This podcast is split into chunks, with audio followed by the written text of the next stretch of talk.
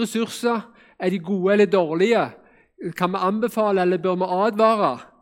Vanskelig, vanskelige problemstillinger. Eh, til å veilede ned i detaljene. Men Øyvind Andersen han skrev altså en bok for 70 år siden da, for å hjelpe om ekteskapet og hjemmet, som Gry forlag sendte ut.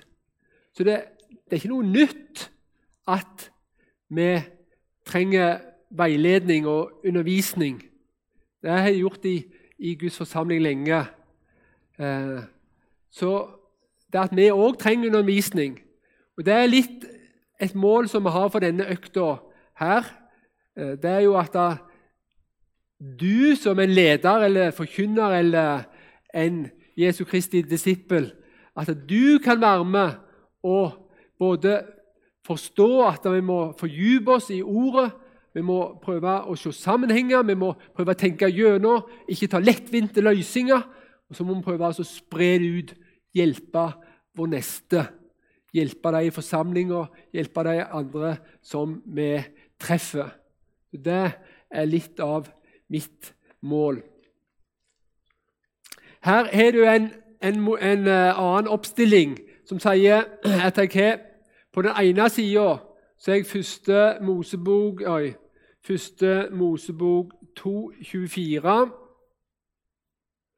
Første Mosebok 1, eh, 28. Og så her borte har jeg Matteus, Matteus 19, 4-5.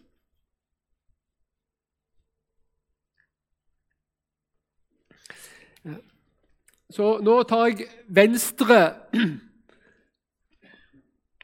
Eh, først tar vi for oss venstre, og så etterpå tar vi for oss høyre.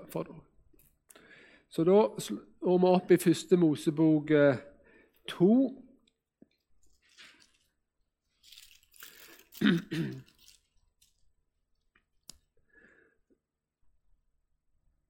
Tjuefire. Derfor skal mannen forlate sin far og sin mor og bli hos sin hustru, og de skal være ett kjød. Så her blir det danna en familie. Her blir det danna et hjem. sant? Eh, mannen forlater sin far og sin mor og blir hos sin hustru, og de to skal være ett kjød. Så en å nei, Første Mosebok 1 uh, Jeg glemte et siffer der. 1,28. Ja, beklager. 1,28. Og Gud velsignet dem og sa til dere.: Vær fruktbare og bli mange. Fyll jorden, legg den under dere. Så mann og kvinne i ekteskap forlater mor og far danne en ny enhet, en ny familie, være ett, de to, men bli fruktbare. Vær, bli mange. Vær fruktbare, bli mange. Det er familien, mor, far og barn her. Så i Matteus 19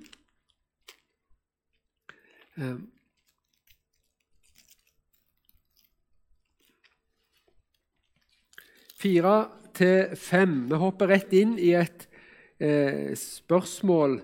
Eh, Jesus svarer på et fristelsesspørsmål fra fariseerne. Han svarte og sa, 'Har dere ikke lest at Han som skapte dem fra begynnelsen, skapte dem til mann og kvinne?' Og sa, 'Derfor skal mannen forlate far og mor' og holde seg til sin hustru, og de to skal være ett kjød. Så Jesus han spør har dere ikke lest her i, i, i første Mosebok Har dere ikke lest at Gud skapte dette mann og kvinne? Det var ikke akkurat inne her. Og sa mannen skal forlate sin far og mor og holde sin hustru, og de to skal være ett kjød, sier Jesus her. Så, men jeg har satt et, en åpning der. Sant? For her er det jo Ifra her og til her, der er det jo tid. Det er jo tid der. Det, det forstår vi. Men det som jeg òg vil understreke, det er det at da,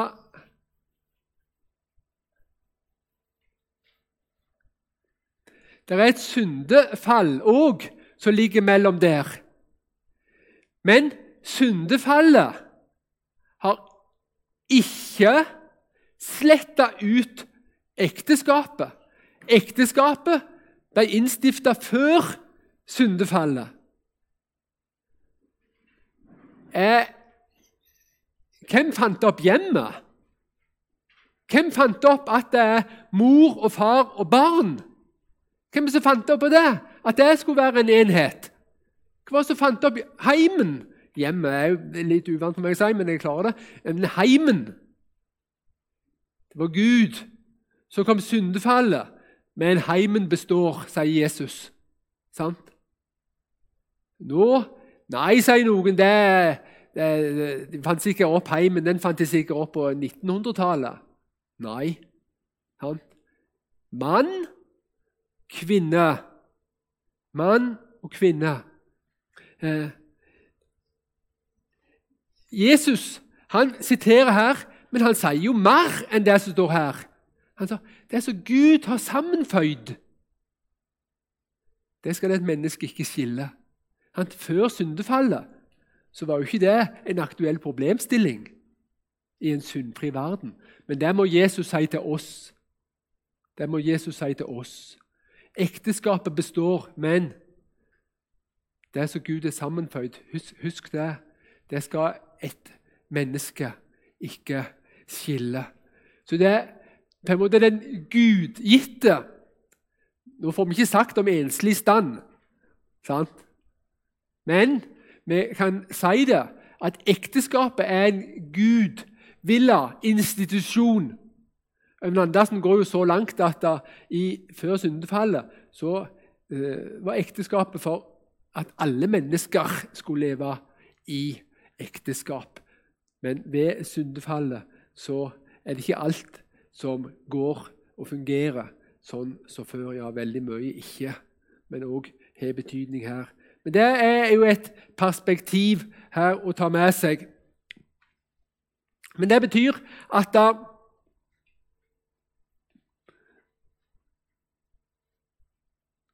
Sant?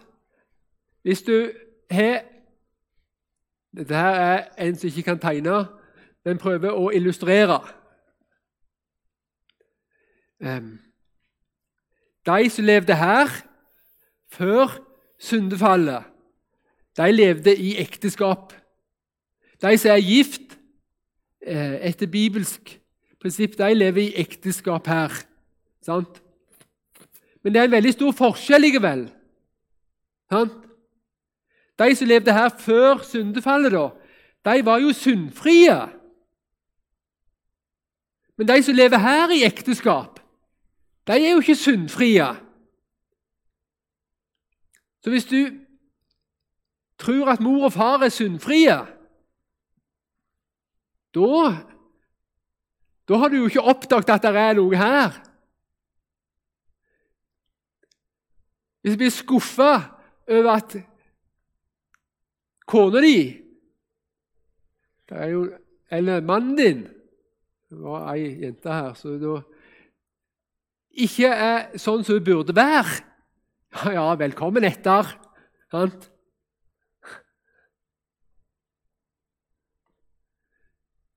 Men hvis du vil gifte deg med en syndfri person Det har noe med realismen i ekteskapet, egentlig realismen i livet. Ja. Hvis du tror at alt det der skal være, gå, hva det heter, gå smooth Har du hørt det? Det betyr da går alt glatt. Nei, det er ikke sånn. Det er syndefallet. Men likevel så er det en, er det en god plass å være. Og Jesus sier at de to, eh, eh, mann og kvinne i ekteskap, de er rett og slett, rett og slett føya sammen. Der. De er føya i sammen. De holder i sammen. Og fordi om de er faktisk fysisk atskilt Jeg er her, og Grete hun er en helt annen plass. Så er det nå usynlige bånd. Det er bare at dere ser det ikke. Sant? Men jeg er like sterkt bundet hun nå som når jeg, vi ligger og sover om natta, side om side. Det er veldig godt å tenke på. Men det er klart det vil være friksjon her. Og eh, og mellom barn ja, men, så, så, har jo Gud òg gitt oss mange gode veiledninger for heimen og ekteskapet. Så det er altså, det er altså å ha et realistisk og sant perspektiv på tinga. Du ser veldig fin ut. Du ser, ser veldig fin ut. Fint skjegg og sant, fine, fin på alle vis, det syns jeg. Og, men, men, skal vi være realistiske, så er vi syndere. Skal vi være sanne Vi trenger ikke brette ut synda for andre. Er, det? det noe oppbyggelig.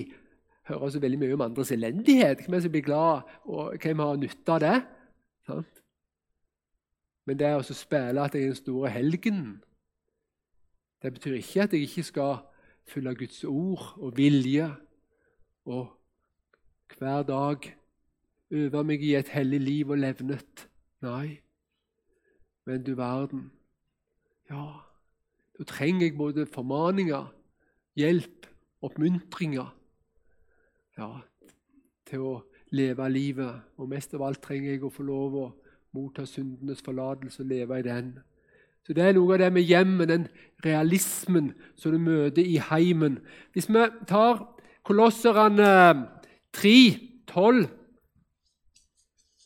Kolosserne 3, 12-21 Nå skal vi lese det på en måte med hjemmets, hjemmets eh, perspektiv over oss.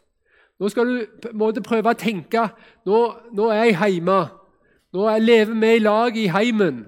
Hvis du er, er, barn, så tenker du det. Hvis du er voksen så tenker du, og du har familie, så tenker du det. Men du tenker deg inn i din situasjon i hjemmet.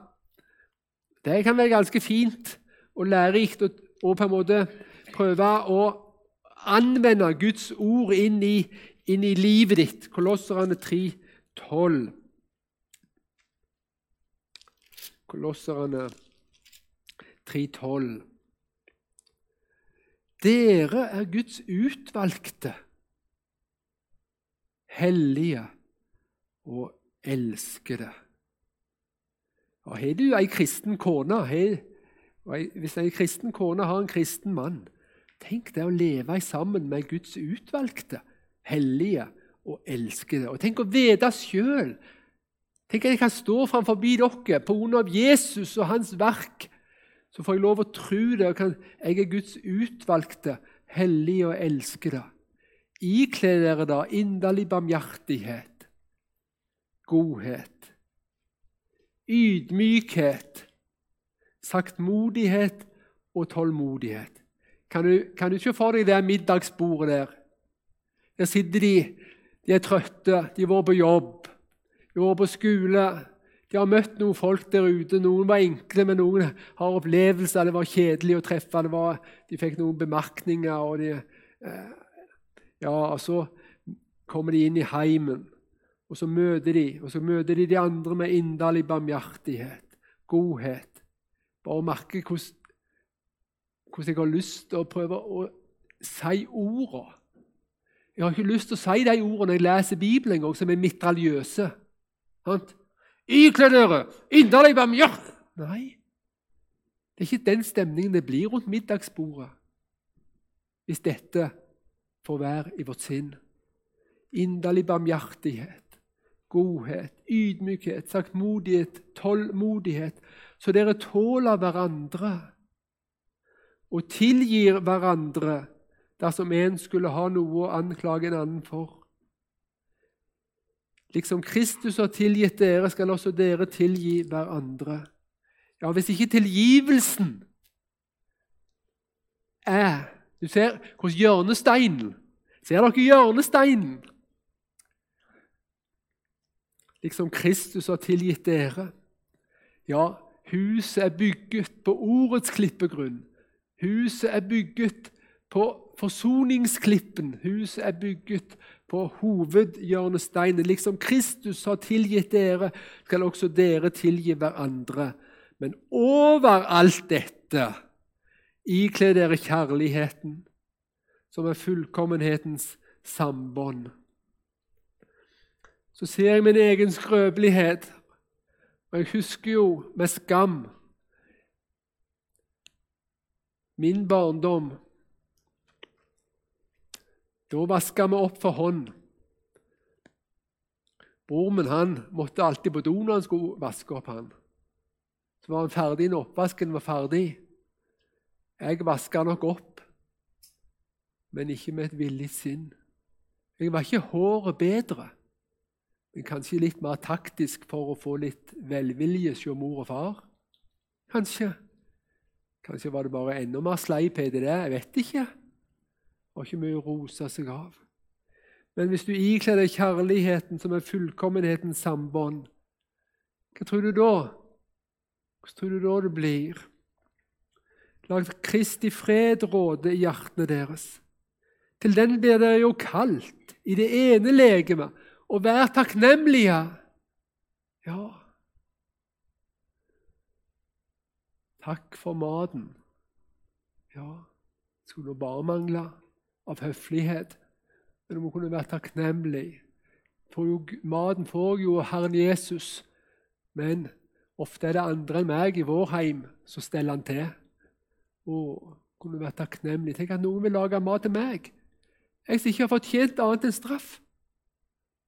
Ikke fortjent annet enn straff, Og så setter de fram de lekreste retter til en sånn en skurk. Hva, hva, er de helt Er de helt Det er kjærlighet. Det er godhet mot den som ikke har fortjent noe. Må ikke være takknemlig. Hæ? Jo, jeg må være takknemlig. La Kristi ord bo rikelig blant dere. Hvordan skal vi gjøre det, venner? Sånn at i heimen vår så er Kristi ord rikelig til stede. Vi snakket om det i pausen. Det var en som hadde hatt være, Kanskje en som hadde veldig trang til å be veldig, veldig lenge etter middagen. Det er veldig flott å kunne be hvis en henvender seg til Gud, men det er ikke sikkert at en bør gjøre det under familiemiddagen og ha de lengste bønnemøtene. Ikke sikkert ungene klarer å henge med på det. Men å få lov å ha Kristi ord med ungene sine, få lov å, å, å dele Guds ord Må iallfall gi litt. Er dere enige? Nei, dere er ikke enige. Rikelig. Stor forskjell på det. Rikelig rikelig. La Kristi ord bo rikelig iblant dere. Skal du få en heim en dag Kanskje har du en heim, jeg kjenner deg ikke, vet ikke hvor gammel du er. Sant? Du må la Kristi ord bo rikelig i heimen. Ja. Det må vi gjøre. Så dere lærer å formane hverandre i all visdom. Her er det antakeligvis Salmenes bok som blir brukt med salmer og lovsanger og åndelige viser, og synger med takknemlighet. Det kom jammen takknemlighet en gang til. Har du møtt noen takknemlige folk? Tenk på en takknemlig person, og du klarer mest ikke unngå å smile. Eller blir du veldig trist hvis du tenker på en takknemlig person? Å, hvor godt det er med takknemlige personer. Har du møtt kravstore personer? Personer som er mest ikke fornøyd med noen ting? Personer som bare klager? Nei, Han blir i dårlig humør bare av å tenke på det. Ja, vær takknemlige imot Gud og imot dine medmennesker. Og alt dere gjør, i ord eller gjerning, gjør det i Herren Jesu navn, med takk til Gud Fader ved ham. Dere hustruer, underordne dere under deres egne menn, som det sømmer seg i Herren. Dere menn, elsk deres hustruer, og vær ikke bitre mot dem. Dere barn, vær lydige mot deres foreldre i alle ting, for det er til behag for Herren. Dere fedre, gjør ikke barna deres bitre, slik at de mister motet. Ja Mennene får sitt, hustruene får sitt, barna får sitt. Fedrene får en ekstra omgang ser det ut til. Ja, det var vel fordi de trengte det, da. Gjør ikke barna bitre. Det kom i 21 der. Så mennene fikk både 19 og 21. Ja Oi, oi, oi. Men så godt det Og jeg ser det jo, Jesus. Jeg ser det jo. Jeg må elske min hustru. Elske sånn som Jesus elsker hva det betyr. Ja, han ga sitt liv for de som ikke fortjente noen ting. han. Ja, ja han hadde ekstra øyne for de de mislykkes for, som var Jesus. Ja. ja. Det er veldig fint å se så, hvor godt det er få lov å leve med Jesus, få lov å lære av Han. Ja, gå i åk med Han. Der får du hvile. Gå i åket med Jesus. Ja, det er veldig, veldig godt. Nei, det er mye som ikke går som en tenker her, men jeg tror at hvis vi får lov å stoppe for noen av disse tingene, så tror jeg at så nå hopper jeg over noen eh, viktige ting her, men vi går til andre viktige ting i heimen. Så da har jeg eh, noe som jeg har kalt her for to memento. Er det memento det heter? To memento. Det betyr to ting å huske på. To ting å huske på. Det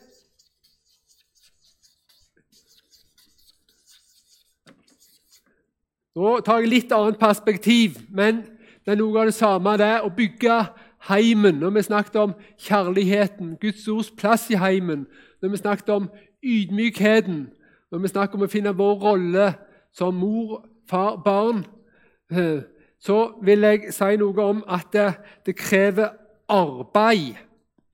Du vet det?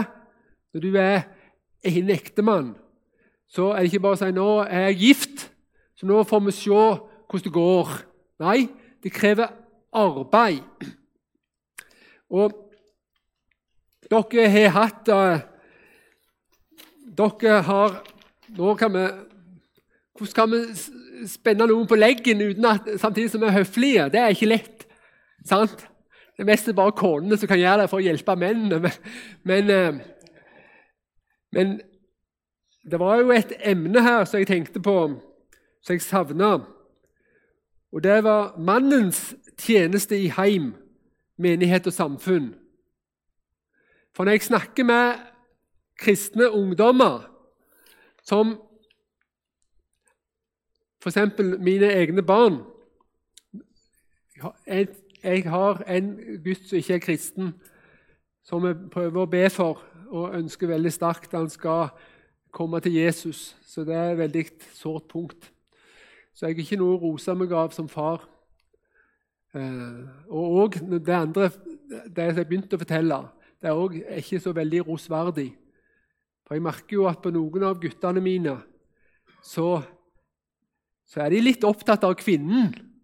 og kvinnens plass i menigheten. Det er jo en god ting. Men jeg har spurt meg sjøl vet de hva det er å være mann. Hvem er det som undervist de om det? Hva betyr det å være mann? Betyr mann det betyr å passe på at kvinnen holder seg på sin plass? Ja, ja, jeg hører noe med det òg, men hva, altså, det er noen svakheter her ja, som, vi, må Å være mann og ta ansvar og stille seg i brodden og ta støyten og bøy, den som bøyer seg dypest ned i dritten og mange ting med det med å være en mann. Ja, Som vi ikke har hørt så veldig mye undervisning om, eller kanskje i deres sammenheng er det masse mannsundervisning. Oftere kvinneundervisning, holdt på å si, det som jeg har hørt. Men og Nå skal vi ta kvinnen som et eksempel enda en gang. Ordspråket 31, 10-31 Det var langt avsnitt av det. Og Det krever arbeid å være en god mann. Det krever arbeid å være en god kvinne. Og Her har du et vitnesbyrd eh, som er satt inn i Bibelen. Eh, Kong Lemuel Kong Lemuels ord begynner kapittel 31. Den lærdom som hans mor innprentet ham. Ja. Så, så går jeg til vers 10 her i ordspråket under overskriftene 'Det krever arbeid'. Ordspråket 31 er siste kapittel i ordspråksboka, som da kommer rett etter Salmenes bok. En god hustru, hvem finner henne? Langt mer enn perler er hun verd. Hennes, mann, hjert, hennes manns hjerte stoler på henne og på vinning skorta det ikke. Hun gjør ham godt og intet ondt alle sitt livs dager. Hun sørger for ull og lin, og hennes hender arbeider med lyst. Hun er som en kjøpmanns skip.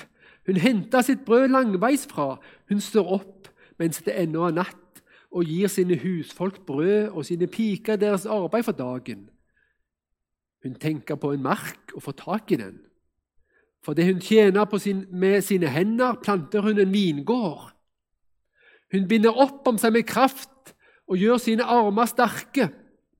Hun merker at det går godt med hennes arbeid, hennes lampe slokkes ikke om natten. Hun legger sine hender på rokken, og hennes fingre tar fatt på teinen. Hun åpner sin hånd for den trengende og rekker ut sine hender til den fattige. Hun frykter ikke snøen for sitt hus for hele hennes hus er kledd i skarlagenfarget ull. Hun gjør seg tepper, fint lin og purpur er hennes kledning. Hennes mann er kjent i byens porter, der han sitter sammen med landets eldste. Hun lager skjorter og selger dem, og belter leverer hun til kjøpmannen. Kraft og verdighet er hennes klær, og hun ler av den kommende tid. Hun åpner sin munn med visdom, og kjærlig formaning er på hennes tunge. Hun holder øye med hvordan det går til, hen, til i hennes hus, og dovenskapsbrød eter hun ikke. Hennes sønner står opp og priser henne lykkelig. Hennes mann står opp og roser henne. Mange dyktige kvinner finnes, men du overgår dem alle.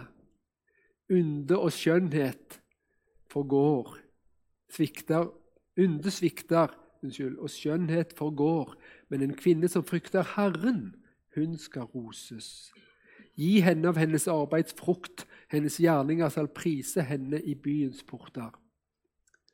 Ja, Kanskje noen tenkte i stad tenkte jeg var litt ikke helt veloverveid. Det var ingenting imot Guds ords eh, veiledning om mann og kvinne. 1. Korinterbrev 11 og 1. Korinterbrev 14 og sånn. Eh, absolutt ikke. Jeg er nok veldig på linje med Per og Konrad i de tingene der.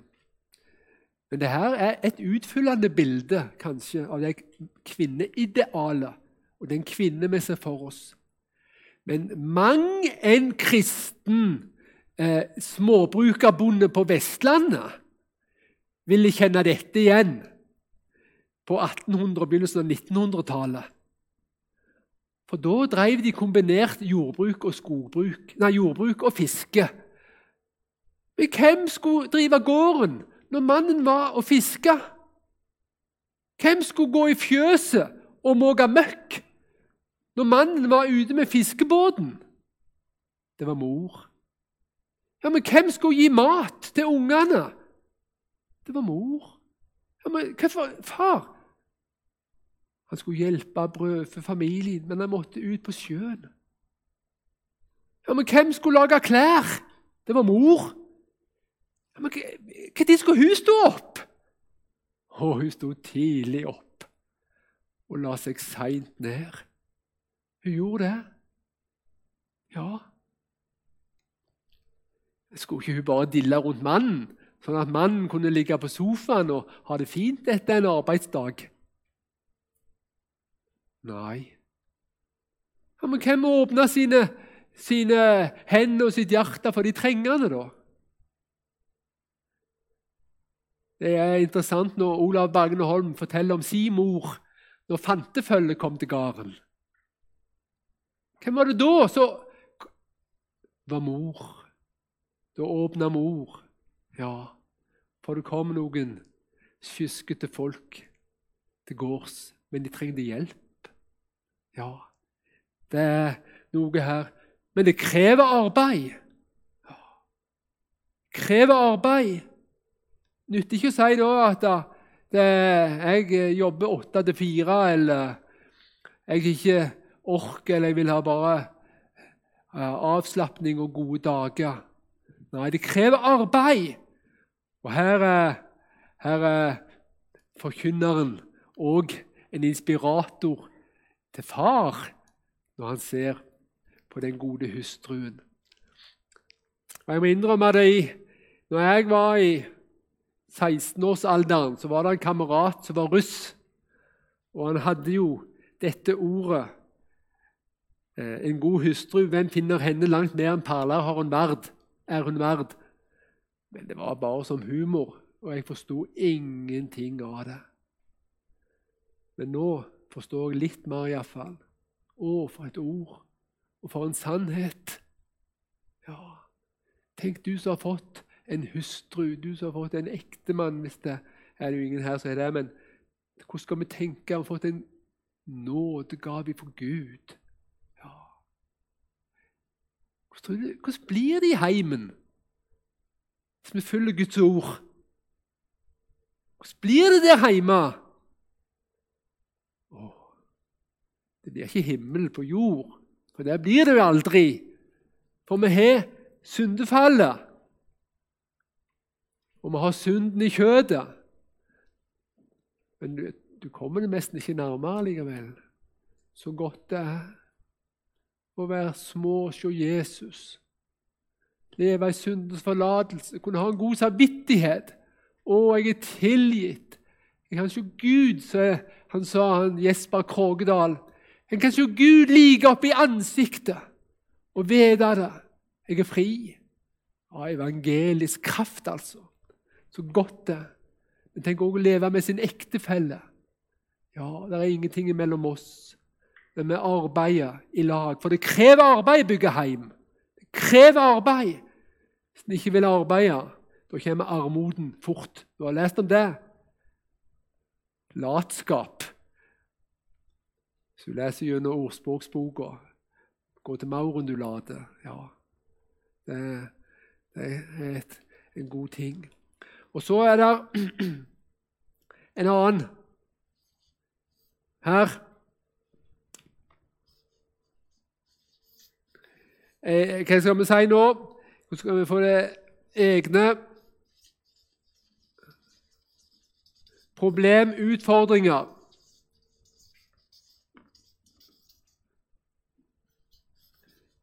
skal ikke arves. Ja, vi har jo noen genetiske ting. Men her tror jeg at vi som menn er vært altfor lite bevisst. For det viser seg i praksis og i forskningen og i observasjonen, ikke som en eh, regel uten unntak, men som en hovedregel, at ting arves. Og Da skal jeg som mann jeg skal ta ansvar i livet mitt. Og jeg skal ta ansvar for barna mine. Da skal jeg sette meg ned i en god stol eller gå en tur eller et eller annet. Så skal jeg tenke som så. Hva er mine svakheter her i livet? Da finner en ut Jeg merker at jeg er for hissig. Jeg er så lett for å fare opp, og det blir utrivelig. Det er ikke rett og godt. Og så skal man, så faren tenke Hvordan kan jeg være med på at ikke jeg påvirker mine barn til å bli hissige? For Hvis de merker i heimen at mor hun vet at jeg er hissig, sånn at hun vil ikke ha meg hissig, så hun tilpasser dette så at far han får viljen sin, egentlig fordi at den hissigheten ligger bak der. Ja, Hva påvirker det barnet til? Nei. Noen er veldig pratesyke og har veldig behov for at sine synspunkt kommer fram. Og Det skulle far klare å oppdage med å tenke på seg sjøl. Jeg er litt dominerende. De andre kommer liksom ikke til. Sant? Ja, hvordan kan jeg hjelpe så ikke mine barn skal arve de samme problemene som meg? Noen har dårlig økonomistyring. Ser de jo. Pengene forsvinner ut av mens andre med samme inntekt de lever som grever. Mens i min familie der forsvinner forstår, Vi forstår ikke En ansvarlig far, hva gjør han? Han tenker hvordan kan jeg unngå at mine barn skal bli sånn som jeg? Ja, Har dere tenkt sånn? Jeg tror vi har tenkt sånn altfor lite. Det er å ta ansvar. Eh, noen er psykisk syke, har lett for å bli deprimerte eller har angst.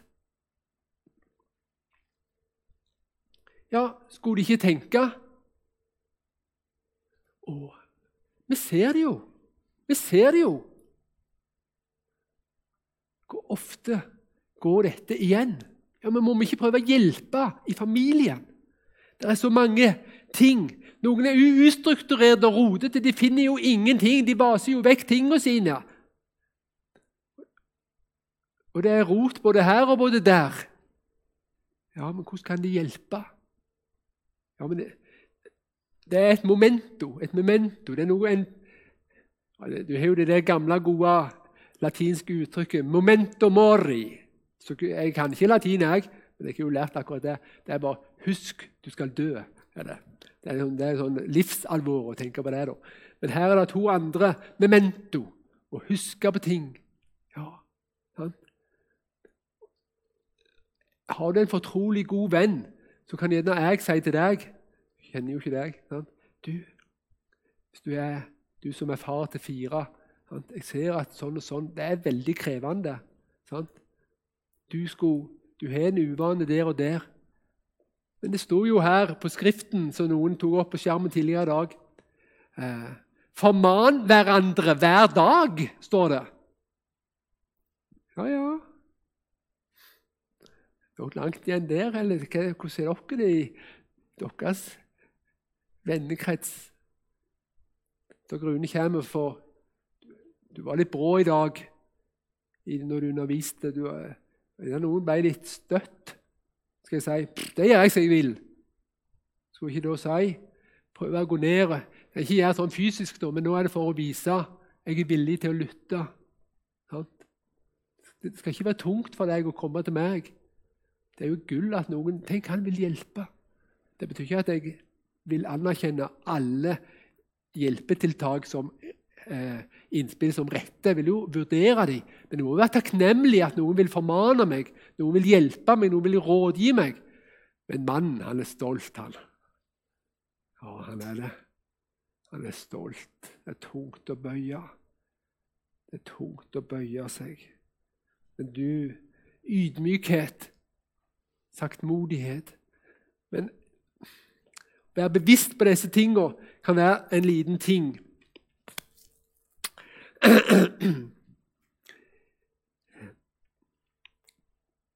Guds ords plass i hjemmet, det har vi snakket om. Kolosserne 3,16. Vi las det i det avsnittet vi las. Så, og vi hadde det der i sangen 'La huset bli bygget på ordets klippegrunn'. Ja? Da rokker seg muren i stormværs stund. Ordets klippegrunn.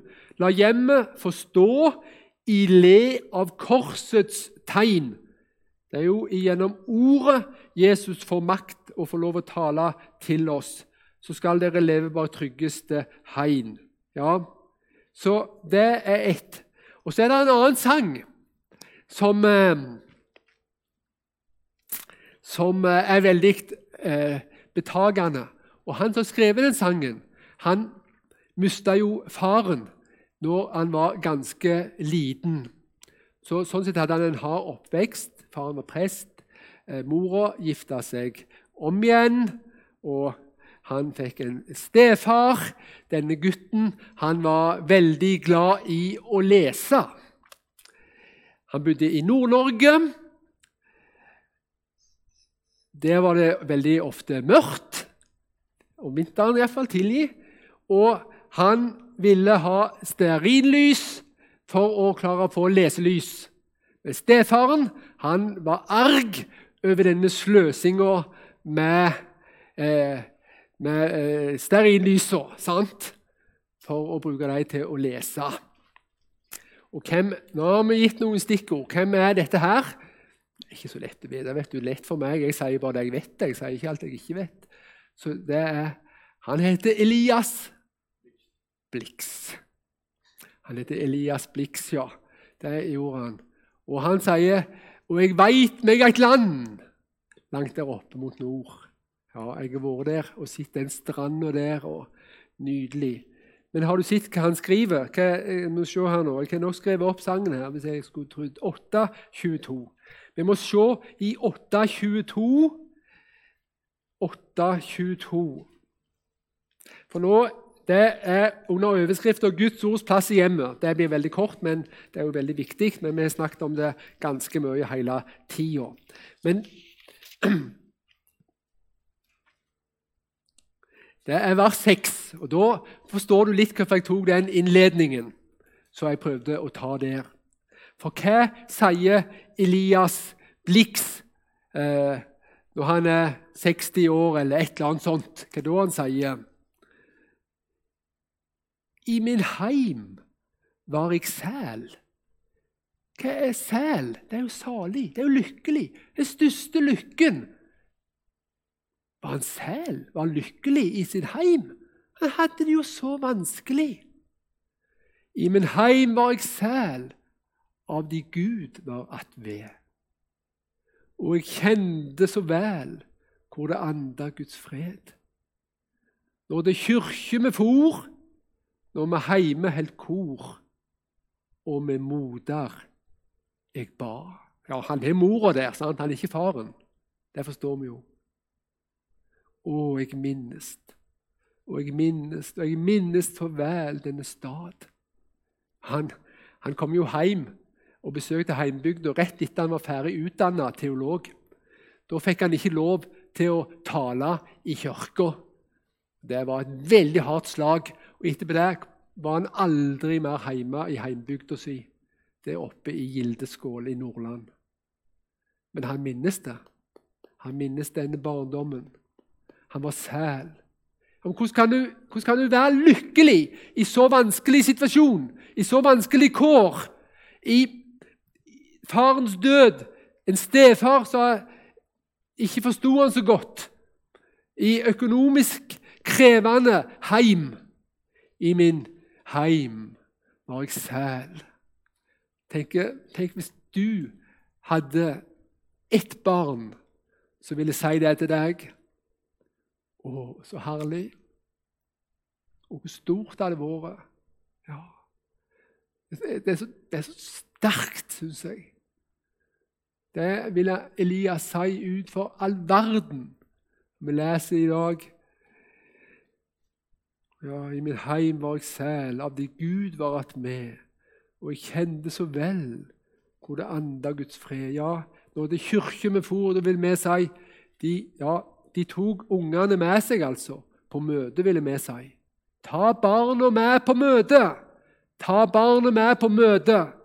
Når vi heime held kor, et annet ord for husandakten. Ja, husandakt i heimen og med moder jeg ba. De ba i lag i heimen der. Og jeg minnes, og jeg minnes. Og så levde Han var jo professor på universitetet i Oslo. Sant? Levde der år etter år. Han var aldri i gildeskål. Var aldri i gildeskål. Men han sier det. Denne heim er meg kjær som den beste på jord. Han mitt hjerte er nær, denne fjetrende fjord, og det målende fjell og den strålende kveld, hugen leika på deim. Ja, han minnes så godt denne heim. Ja, Det er litt skremmende òg, hvordan ungene kan minnes heimen, som du skal være med å bygge, som du har bygd. Ja, det kristne hjemmet foreldreansvaret. For vi klarer å formidle noe av, av det. Så er det noe som vi ikke skal gå gjennom, for det har vi ikke tid til. Hebreerne 13, 1 16, 18 Jeg, jeg skrev opp her Jeg så i hebreerne 13, 1-16. Og så jo lignende måte sånn så vi gjorde med det i Kolosserbrevet. Las det under hjemmets synsvinkel. Det ble veldig fint, altså. Det ble det 18 punkt. Broderkjærligheten nummer én. Kjærligheten i hjemmet. Men nå, vet du, nå, nå går tida, vet du. Jeg er veldig til å bruke tid. Men Olav, hva som står på andreplass? Kjærligheten i hjemmet. Og så på andreplass, hva da som kommer, vil du si det? Har du det slått opp? Ja, Hvis det er den andre momentet. Ja, det er sikkert vers to, ja. Hva er det? Ja. Er det viktig for et hjem? Står i Bibelen. Det står flere plasser i Bibelen. det. Så det vil jeg si til deg òg. Hvis du har et hjem, glem ikke gjestfriheten. Abraham han var jo veldig gjestfri. Han hadde jo engler, han. han ene han, men så, Ja, ja, hvordan er det med deg? Er du gjestfri? Er det mange gjester i huset ditt?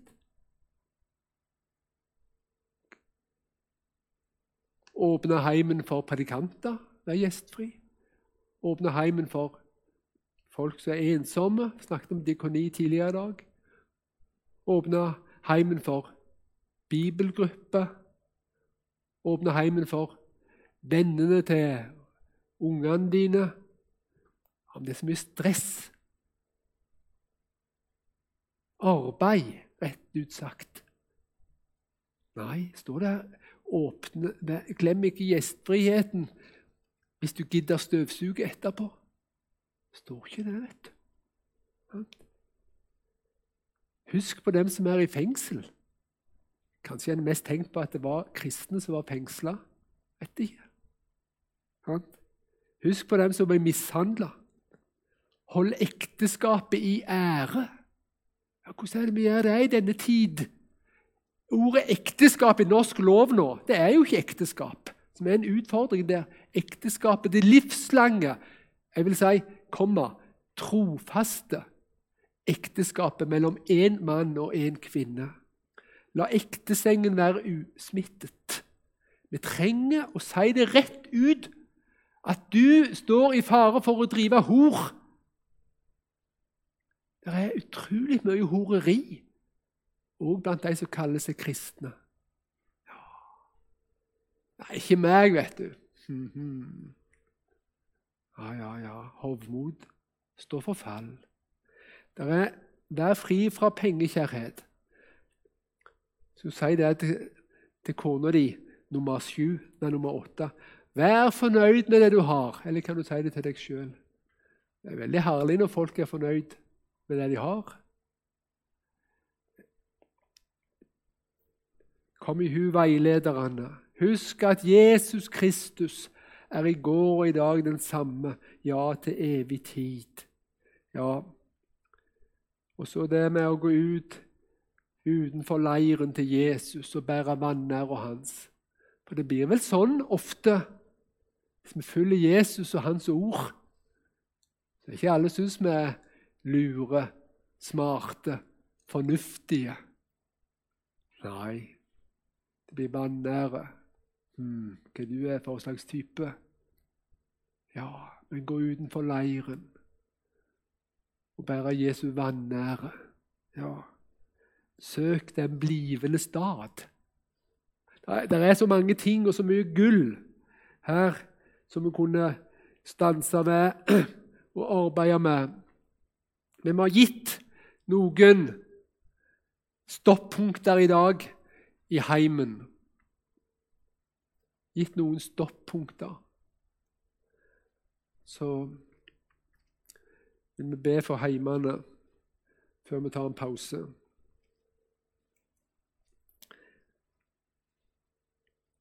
Vi blir så små hos deg, Jesus. Vi blir så små hos Jesus. Men vi er små. Men vi trenger deg, Herre Jesus. Vi må få lov å leve hos deg. Og med familiene våre, med heimene. Og vi ber for de kristne heimene, Jesus, for oss som er representert her. Noen har barn som har bygd seg heime. Noen har kanskje til og med barnebarn. Kjære Jesus. Vi ber om at vi må få lov å ha bygget på hjørnesteinen. Vi ber om å følge ditt ord i alle ting. Vi ber om at det ikke bryter brodden og spissen av ordet ditt, men at vi kan få lov å ta det til oss. Takker vi for Ditt velsignede blod giver meg sådant mot til å tro at min brudgom du er, ja, midt i alt. Så ber vi om at du må dyktiggjøre oss, og må kunne være til hjelp for noen i denne tid, slik at vi kunne få gode heimer. Det var godt å være og godt for ungene å vokse opp. Det ber vi deg om. Så ber vi om at du må gi oss alt vi trenger. Takk for ditt ord, og takk for din nåde. Takk for alle ting i ditt navn. Amen.